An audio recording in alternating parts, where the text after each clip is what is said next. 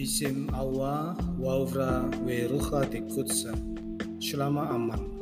Kepada Maran Isyo Mesyiha Yesus Kristus Penulis panjatkan puji syukur atas rahmat dan kasihnya. Maka penulis telah berhasil merampungkan sebuah buku yang berjudul Belajar Alak Bait. Berawal dari suatu kajian tentang kekristenan timur dalam hal ini YAKOS atau ISCS Institute for Syria Christian Studies dari kajian inilah penulis tertarik dengan bahasa Aram dan Syriak khususnya. Bahasa Aram itu sendiri memiliki beberapa dialek. Dalam Tenah, Torah, Nevi'im, Vegetuvim atau orang Kristiani menyebutnya perjanjian lama, misalnya.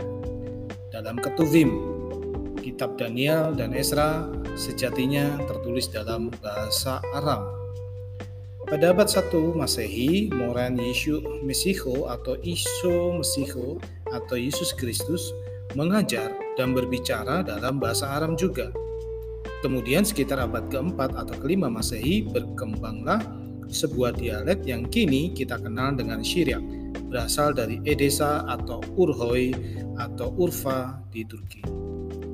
Bahasa Aram Syriak inilah yang dilestarikan di beberapa gereja berupa kitab suci perjanjian baru yang dikenal dengan nama Psita.